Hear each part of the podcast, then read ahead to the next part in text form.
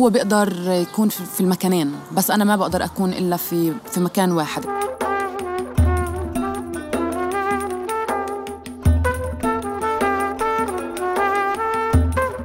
من أكتر الأماكن اللي بحبها بيت ستي بالقدس لأنه بيخليني أشعر إني بالحاضر وبالماضي. في قدسية وجمال للتواجد بمكانين مختلفين بنفس الوقت ولكن كثرة الأماكن بتتوه وممكن تخلينا نشعر بالغربة حتى في أماكننا المفضلة.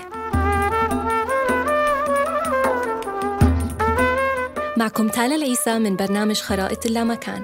اليوم رح نحاول نفهم علاقة الخرائط بالحب والمساحات العاطفية. رح نسأل عن تأثير العاطفة على المكان والمكان على العاطفة وكيف ممكن البعيد يكون قريب والقريب يصير بعيد. رح نسمع من منى وسيف كيف بعد خمسين سنة لا تزال حرب السبعة وستين بتأثر على حياتهم لحد اليوم. تم تغيير أسماء الضيوف بحسب طلبهم. المميز بحلقتنا إنه قمنا بإعدادها بالتعاون مع بودكاست دون تردد من رام الله.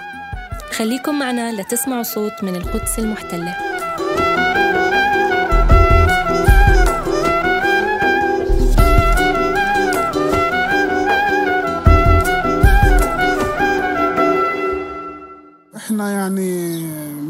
بعضينا من زمان. الدنيا شوي لفت فينا وعودنا التقينا التقينا في ألمانيا التقينا في البلد التقينا في برلين تحديدا. هناك تعرفي مع كل الفانتازيا تبعت الحرية وشو برلين وشو البلد وكل هالأمور هاي. وأنا كنت كمان بشتغل في المسرح هناك. ما فكرنا في أي إشي يعني. تعرفي في هيك لحظات الواحد بفكرش لحظات الحب الأولى. حرية وسلام وراحة بال. شو في أحلى من اثنين عشاق يلتقوا بمدينة ساحرة مثل برلين ويختبروا حب عابر للمكان والزمان. الحب يلي بيولد بهيك لحظات بيكبر وبيكبر وبيكبر لحد ما طلع الزين من الحمام. طلع الزين من الحمام. أو الله واسم الله عليه. الله واسم الله عليه. أو يا أبو الحطاوي العقال يا أبو الحطاوي العقال منين صايد الغزال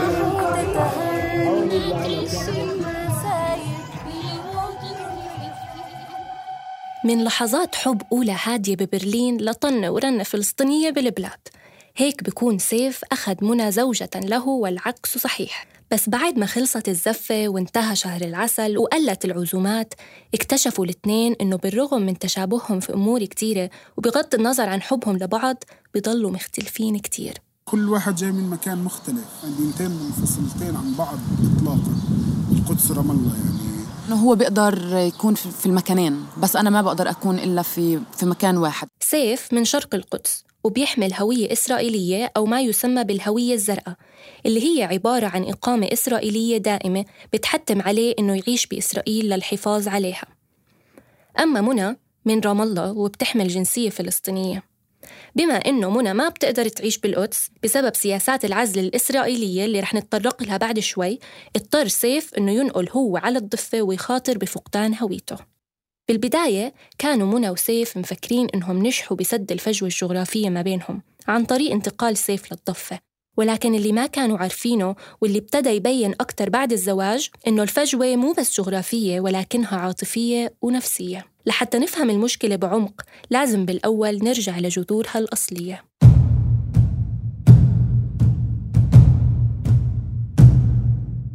قبل السبعة وستين كانت القدس مقسمة إلى منطقة شرقية تابعة للأردن ومنطقة غربية خاضعة لما يسمى بدولة إسرائيل. أما بعد الحرب ضمت إسرائيل شرق المدينة بما فيها البلدة القديمة و28 قرية ضمن حدودها. تواصلت مع المحامية أمينة عبد الحق لحتى أفهم شو صار بهديك الفترة. فاللي صار إنه هم يضموا آه 28 قرية مع البلدة القديمة بعدين آه عملوا إشي اسمه إحصاء للسكان. بالإحصاء للسكان عملوا عملوا الفلسطينيين الموجودين بالقدس على شيء اسمه قانون الجنسية والدخول لإسرائيل اللي هو يعتبر إنه أهل القدس هم دخلوا من الأردن. كيف أنت تيجي هلا بدك تهاجري على أمريكا؟ دخلوا من الأردن خلينا نحكي. على هذا الأساس they were granted permanent resident اللي هي إقامة دائمة اسمها. إذا بدأت إسرائيل من هداك الوقت بإصدار هويات إسرائيلية أو إقامات دائمة لسكان شرق القدس اللي ورد اسمهم بالسجل السكاني الناتج عن الإحصاء. وبما إنه الإحصاء استثنى السكان اللي ما كانوا متواجدين بالمدينة وقت الإجراءات انحرم العديد من المقدسيين من الهوية الزرقاء وبالتالي فقدوا حقهم في الإقامة بمدينتهم. أما اللي حصلوا على الهوية فهم كمان معرضين أنهم يفقدوها في حال أقاموا في دولة أجنبية لمدة سبع سنين أو حصلوا على إقامة دائمة أو جنسية من بلد أجنبية أو نقلوا مركز حياتهم خارج إسرائيل. من وقت السبعة وستين لحد الآن تم تجريد قرابة ال 14 ألف شخص من الهوية. الفلسطيني في القدس معاه وثيقتين سفر. وثيقة سفر إسرائيلية اللي بسموها laissez-passer وكمان travel document أردنية. يعني بالحالتين هو عديم الجنسية. من ضمن الفروقات الأساسية ما بين المواطن الإسرائيلي والمقيم الدائم أولاً إنه يمكن للمواطن الإسرائيلي أن يحافظ على جنسيته بغض النظر عن مكان إقامته بينما المقيم مجبور يعيش داخل إسرائيل. ثانياً لا يسمح للمقيم أن يصوت بجميع الانتخابات على عكس المواطن. أما أكثر فرق ملحوظ على المستوى المعيشي واليومي فهو التفاوت بنوعية الخدمات المتوفرة في شرق القدس وغربها بالرغم من أنه سكان المنطقتين خاضعين لنفس الضريبة. هلأ بتروحي مثلا بيت حنينة وين أنا ساكنة مصنفة إيه؟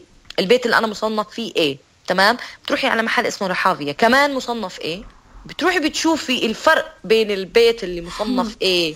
وحواليه الخضار والنظافة وعشر مرات بيتنظف باليوم. وكم من مرة بتنلم الزبالة وكم من مرة برش الوالد عشان ريحته حلوة. بتيجي بتشوفي كم مرة بلموا الزبالة عندي. يعني أنا ساكنة في بيت مصنف إيه في أرض مصنفة إيه فبالتالي أنا واللي برحابية بندفع نفس المبلغ. بس روحي شوفي هو من أحلى منطقته. تعي شوفي من أبشع منطقتي. بآخر الثمانينات مع بداية الانتفاضة الأولى وحرب الخليج ألغت إسرائيل تصريح الخروج العام وبالتالي أصبح التنقل من الضفة أو غزة لإسرائيل ممنوع إلا بإصدار تصريح.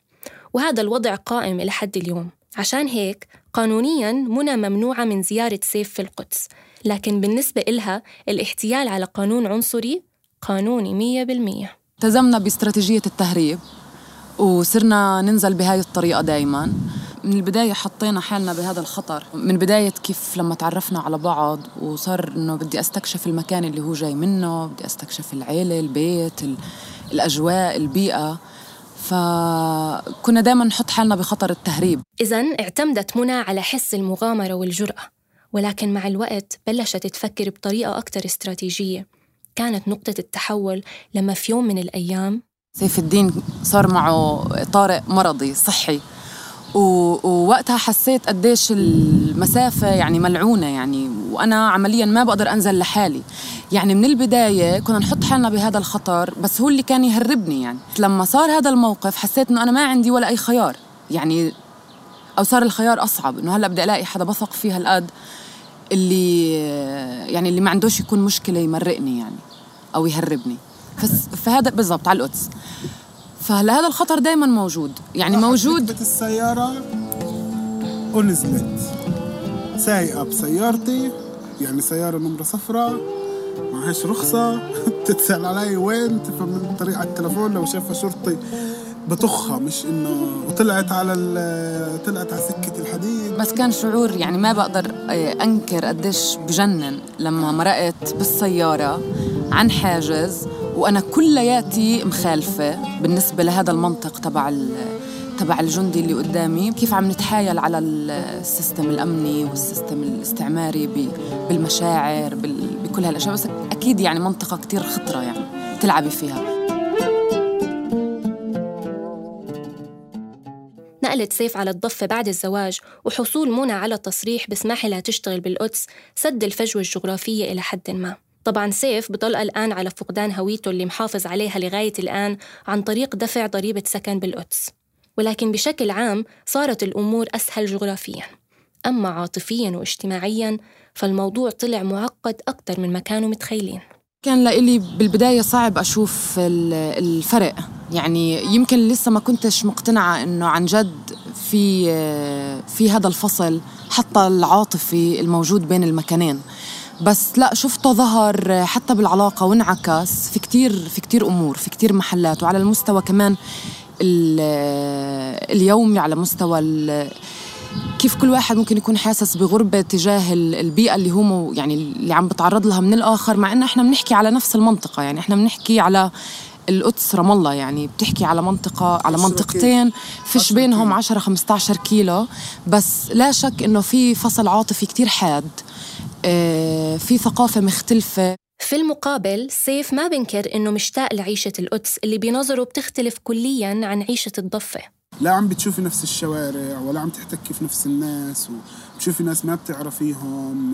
ممكن كمان تحسي حالك برضو إنه هاي المدينة يعني هي المحاطة في الجدران والناس فيها يعني هم هم والمصايب هي هي. للأسف الاستعمار والاحتلال قسمنا يعني ل غزة في محل الضفة في محل القدس في محل الداخل بمحل بما يشمل ذلك كمان ثقافة وعادات وتقاليد واللي هي كمان بتأثر بتأثر كمان على شخصيته. وما عندك هامش اللي تطلعي على مكان آه، ترتاحي فيه. سواء حديقة عامة سواء تروحي على الجبل آه، تروحي على البحر آه، أي شيء يعني أنت بالإجمال لما تمشي بالشوارع كلها كلها مضغوطة كلها مضغوطة كلها مضغوطة. وبتبعدك كمان عن المكان اللي أنت مثلا ربيتي فيه.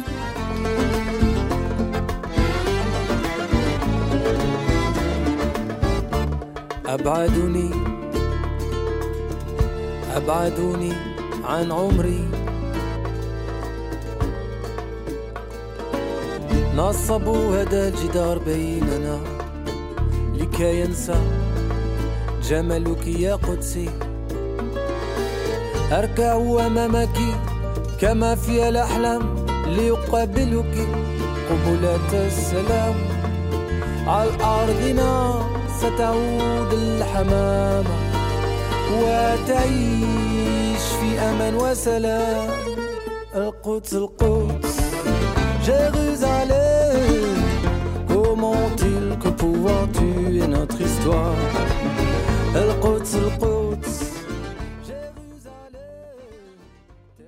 طيب ليش ما سيف ينقل هويته لمنى؟ ببساطة لأنه القانون ما بيسمح له. قانون المواطنة أو أمر الساعة المؤقت اللي أقر بال 2003 وتعدل بمراحل مختلفة بيمنع نقل الجنسية الإسرائيلية أو الإقامة الإسرائيلية للأزواج القادمين من بلدان بتعتبرها إسرائيل عدوة بما فيها الضفة الغربية وغزة. بمعنى آخر أدى هذا القانون إلى تجميد لم شمل العائلات الفلسطينية. مع الوقت أصبح في استثناءات للأزواج القادمين من الضفة وغزة ولكن لا يزال القانون بيفرض شروط معقدة من ضمنها إخضاع طالب الحصول على إقامة لفحص أمني شديد. المحامية أمينة أفادتنا بمعلومات حول بعض الإجراءات المفروضة. إذا ابن عم ست خال أبو ست أمه كاين محبوس بال, بال 51 بيطلعوا له إياه. عرفتي كيف؟ آه والنقطة الأولى اللي هي الأساسية اللي بيرفض الطلب شكلي لأسبابها اللي هي الجيل. الصبية لازم تكون فوق ال 25 والشاب لازم يكون فوق ال 35 سيف أصغر من 35 سنة. وبالتالي ما بيقدر يقدم على طلب لم الشمل. أما نسبة لأولاده إذا ما ولدوا داخل حدود إسرائيل يعني لو ولدوا في الضفة مثلا لا يمكن تسجيلهم وإعطائهم الهوية بشكل تلقائي. بهاي الحالة لازم سيف يقدم على طلب لم الشمل اللي بيفرض شروط صعبة ومعقدة. وحتى لو كان سيف مفكر يقدم للحصول على الجنسية الفلسطينية عن طريق منى ما بقدر لأن السلطة الفلسطينية بترفض تجنيس المقدسيين بحجة الحفاظ على الوجود العربي في القدس. في طريقة واحدة فقط ممكن من خلالها يقدروا اثنين متزوجين يعيشوا بالضفة والقدس بنفس الوقت ومن دون ما يتعرض المقدسي لفقدان هويته. كيف؟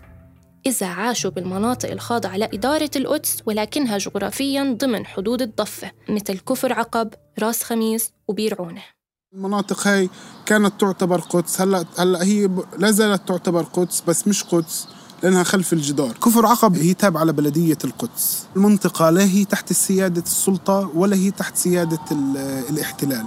ما في سيادة عليها. تاخذ شوية خدمات من بلدية القدس زي خدمة التأمين الصحي. فالناس بيبنوا هناك بدون ترخيص يعني ولا حتى بيخضع للقوانين الترخيص لا الفلسطينية ولا الإسرائيلية. شخصياً ما بيعتبروا منى وسيف إنه العيشة بكفر عقب خيار مناسب لإلهم لأنها مش آمنة والخدمات فيها مش متوفرة. وبتوقع سيف إنه في المستقبل رح يتم ضم كفر عقب والمناطق المشابهة لإدارة السلطة وبالتالي عاجلاً أم آجلاً رح يتعرض المقدسيين اللي عايشين فيها لفقدان هويتهم. إذا كل الأبواب لحياة بسيطة وآمنة مغلقة بإحكام أمام منى وسيف. ما ضل حل غير الهجرة. دايما عم نستنى الوقت ال- الصح أو الفرصة الأنسب عشان ناخدها ون- ونسافر. هاي جربنا العيشة هون كمان مش مريحة يعني في معيقة. يعني كل إشي بدك تعمليه لازم تحسبي فيه كتير كتير كتير. وعم بفقد الحياة يعني هيك عفويتها. يعني كمان بتعرفي ممكن إذا خلفنا أو إشي زي هيك يعني بغلطة ما أنت عارف القوانين في البلد يعني. حتى الغلطة مش مسموحة.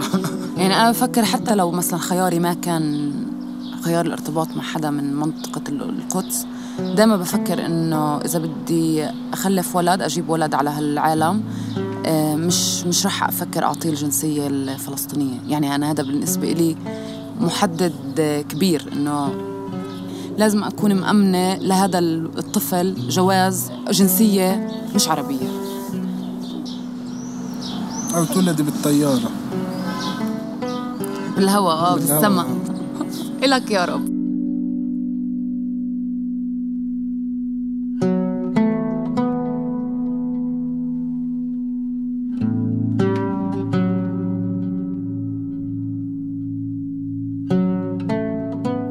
معكم من التقديم تالا العيسى وشاركتني في الإعداد لما رباح ومن الهندسة الصوتية محمد حجازي. تابعونا بالحلقة الجاي لتسمعوا صوت من لبنان.